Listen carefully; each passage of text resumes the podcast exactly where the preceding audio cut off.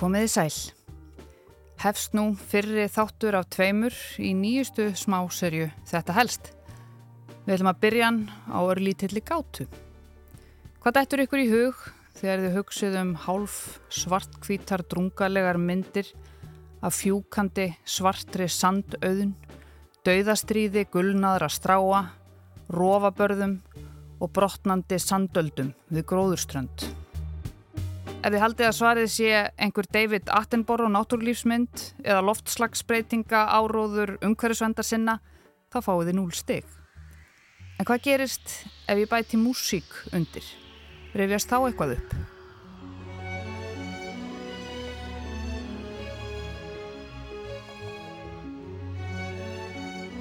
Það eru að verða 35 ár síðan það var svo gátt hann er vissulega auðveldari fyrir suma aldurshópa og erfiðari fyrir aðra. Fyrir þremur áratugum voru gróðurhúsa lofttegundir, orkuskipti, hlínandi loftslag, bráðunum jökla og súrnun sjávar ekki svo umhverfisókn sem við hrættumst mest. Að minnst okkosti ekki við á Íslandi. Óknin var önnur. Gefum frú Vigdísi Fimboðadóttur orðið. Augu hafa lokist upp fyrir því að landið er raunverulega að blása undan fótum okkar. Ég heiti Sunna Valgeradóttir og í dag ætla ég að rifja upp tíman þegar að landið var að fjúka burt og ég ætla að gera það með þessum hér. Sko ég man eftir frá, frá hérna mínu, minni barna sko, umræðum um, um landgræðslu. Mm -hmm. Kanski ekki tala ég mikið um að landið væri að fjúka burt. Þetta er Bói Ágústsson, hann vinnur í sjómarpinu og gerði það líka 1991. Vigdís, þú hefur sagt að lengi framann af hafið þjóðin ekki sinn um gróðureyðinguna en það verið landlæg trú að mannlegur máttur fengi ekki rönd við reist. Hefur þetta breyst núna eða hvað?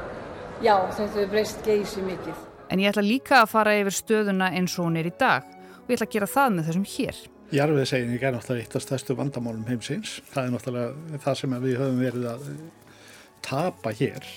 Þessi gríðalegi jarfiður sem við höfum tapað í gegnum árin og erum því miður ennþá. Þetta er Árni Bragason. Hann er jurta og erðafræði, doktor og fyrfirandi landgræslustjóri. Víðaskvar á, á hálendinu er bara hreinlega allt fókið í burtu. Það er ekkit meira að fjúka. Það er bara fauk burt landið. Það fauk bara burt, það fauk út í sjó. Hann er nú sestur í Helgan Stein en því fylgir svo sannarlega ekki skoðana eða hugssjónaleysi. Nú ég kom eftirlega ekki sagt það sem er. En við skulum byrja þennan þátt fyrri þáttin af tveimur um landið sem var að fjúka burt. Sandstormurinn svarti, veturinn 1880 til 81. Sumstaðar var ekki snjór til þess að hlýfa jörðinni, engum í rángarvallasíslu.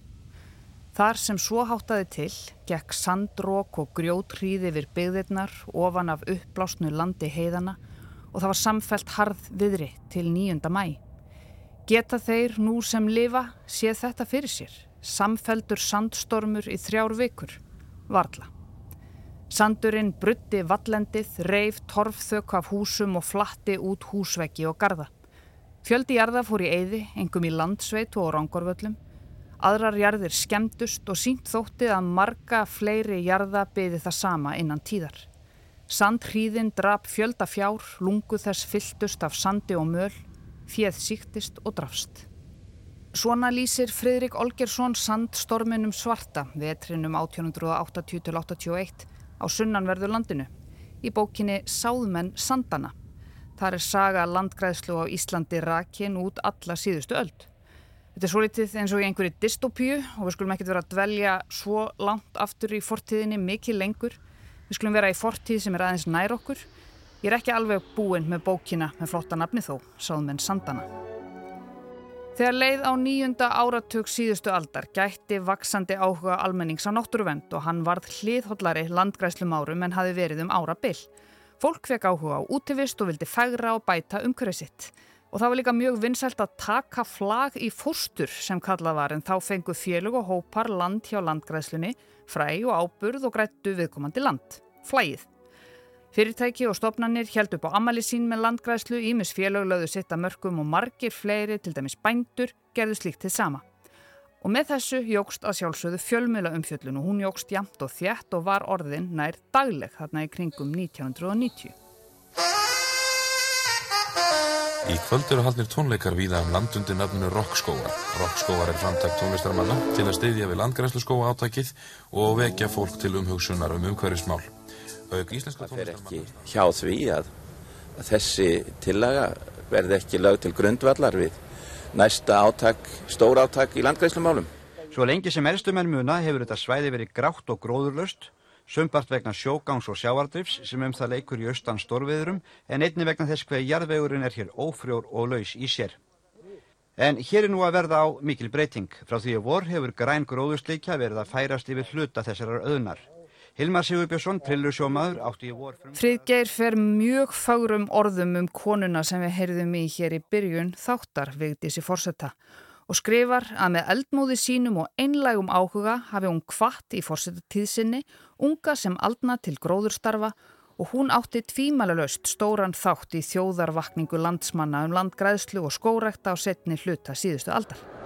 Það er nú svo með okkur mannfólkið ef við höfum eitthvað fyrir augunum allan daginn þá tökum við ekki eftir smáatriðunum.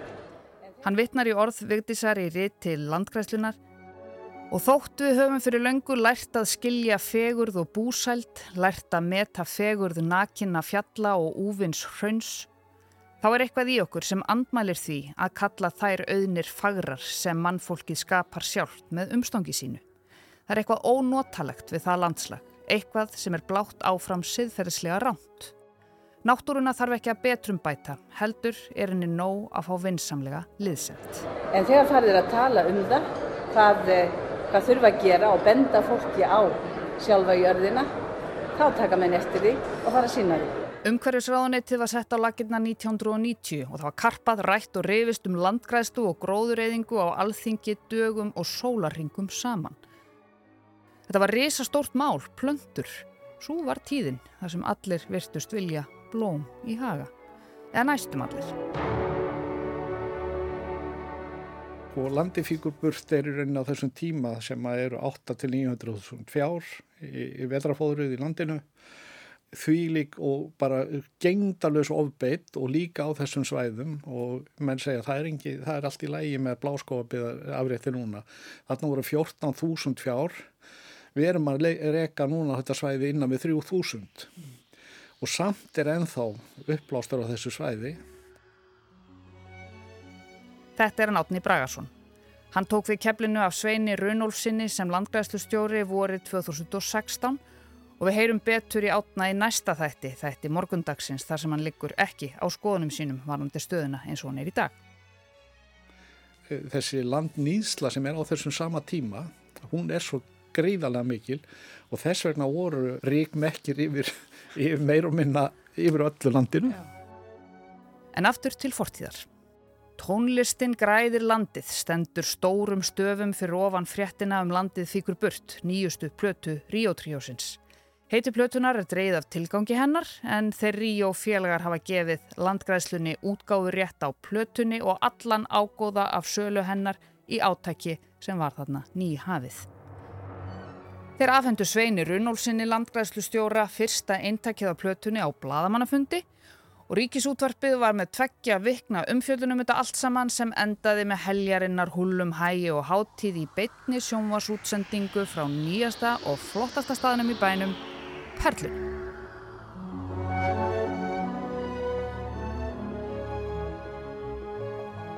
Ekki mjög margt sem mann eftir en. Kvöld og verið velkomin í beina útsendingu hérna og veitingahúsinu Perlunni í Reykjavík. Ég mann vel eftir þessu sko. Landgræðslan, Lionsreyningin á Íslandi, Kaupþing HF og síðast en ekki síst Ríó, einu sinni Tríó, núna Kvartett, bjóða til þessara visslu til styrtar gróðurvend og landgræðslu. Við munum eiga hér notalega kvöldstund. Þetta var mál, málana. Ef við ætluðum að koma í veg fyrir að landi myndi bara einfallega fjúka burt þá þyrti þjóðar áttak. Og það var þjóðar áttak og það skilaði árangri. Ég fekk hann boga til þess að rifja þetta allt saman aðeins upp með mér eitthvað hvernig þetta byrjaði, þessi umræða, eða hvaða svona stjórnmáluflokkar Nei, ég man ekki eftir þetta hafi verið eitthvað sérstaklega flokkspolitíst. Nei. Prímus mótor í þessu er Sveit Runnolfsson. Sveit Runnolfsson, landgræslu stjóri. Þurfa menn ekki að vera takkmarkalessi bjassinismenn til þess að standa í landgræslu á Íslandi? Jú, jú, en það hefst ekkert nema með því. En við höfum líka vissulega ástæð til þess að vera bjassinni. Alþingi Íslendinga hefur álegtað að stöðva hraðfæra gróður og jarðvegseyningu fyrir næstu aldamót. Ríkistjórnin hefur sett að markmiði að stöðva eyðinguna þar sem þessi kostur fyrir aldamót en eh, kannski nú viðþorf almennings Gróðureyðing var rittstjórum og bladamönnum morgunblansins mikið hjartans mála þessum tíma. Nær allar fréttir um gróðureyðingu sem ég finn inn á tímaritt.is frá síðari hluta nýjunda áratugurins og fram í fyrir hluta þess tíunda eru úr mókanum. Á Íslandi er gróðureyðing eitt mesta umhverfisvandamáli sem við er að etja og ástandi hér oft líkt við það sem viðgengst með að fátækustu þjóða heims. Sjá nú hvað ég er beinaber er yfirskriftir aðstöfnu lífs og lands. Það er hluti úr kvæðinu Ísland eftir bóluhjálmar. Vonast er til að ráðstöfnun veki áhuga almennings á því alvarlega vandamáli sem gróðureyðing er og hveti ráðamenn til aðgerða sem dugi til að snúa vörn í sókn. Engin náttúruauðlind á Íslandi hefur beðið annaðins afhróð í samskiptum við menn og náttúruöfl og gróður landsins. Gróður og jarðvegseyðing hefur verið hér meiri enn í flestum löndum heims og er skilgreint sem langsterta umhverfis vandamál þjóðarinnar. Ekki fyrir á milli mála að langt mest af gróður og jarðvegseyðingunni er afleðing af samverkandi þáttum óblíðrar veðráttu, viðkvams eldfjallajarðvegs og búsettunar. Við getum lítil áhrif haft á fyrrnemdu þættina en hinn mannlegu umsvið eru alfarið í okkar höndum. Það minnir svolítið bara á loftslags umræðuna Já. í dag. Já. Ekki kannski heimsendir er í nánt, heldur bara landið er að fjúka burt. Við verðum að gera eitthvað. Og þarna voru allir til í að gera eitthvað. Það er mitt.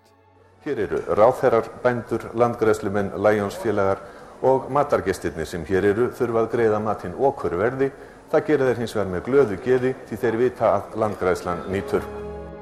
Landgræðsla og nöðsinn þess að hérna, venda landið og, græða landið upp aftur er miklu eldra heldur en að þessi hápunktu sem að þarna verður og er í rauninni í vitund þjóðarinnar mm.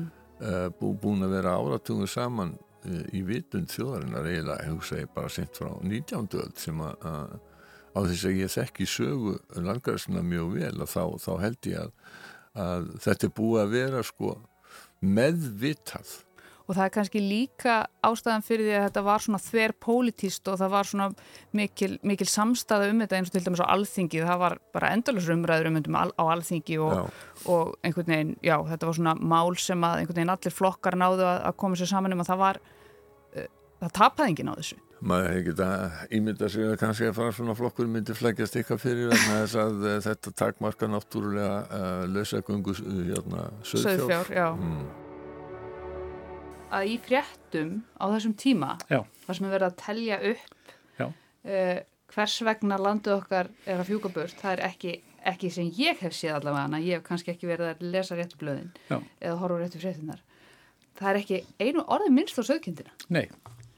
Það gerðum enn markvist og eh, með vilja og reyna að eh, styggja ekki bændur. Eh, Landgræslan heyrði ju undir landbúnaðar áðunitið mm -hmm. á mhm. þeim tíma og kannski vildum en ekki. Nú ég kom eftirlega ekki sagt hvað sem er. Þetta er sagt hvað sem er. Átni verður svo prímus mótor næsta þáttar þegar setni hluti landgræðslu umfjöllunar þetta helst verður á dagskrá. Landgræðslu starfi er, er alveg jafniðislegt núna og, hérna, og það var þá. Já. Þó að það sé kannski jafnigið um að landið sé fjúka burt. Ég heiti Sunna Valgeradóttir og landið okkar fjúkandi var helst í dag. Takk fyrir að leggja við hlustir og við heyrumst aftur á morgun. og hér fyrir neðan eru einnig þeir fjóri tónlistamenn sem standa fyrir þessu öllu Ríó. Úr verki verður fá um verkmun síðan spurt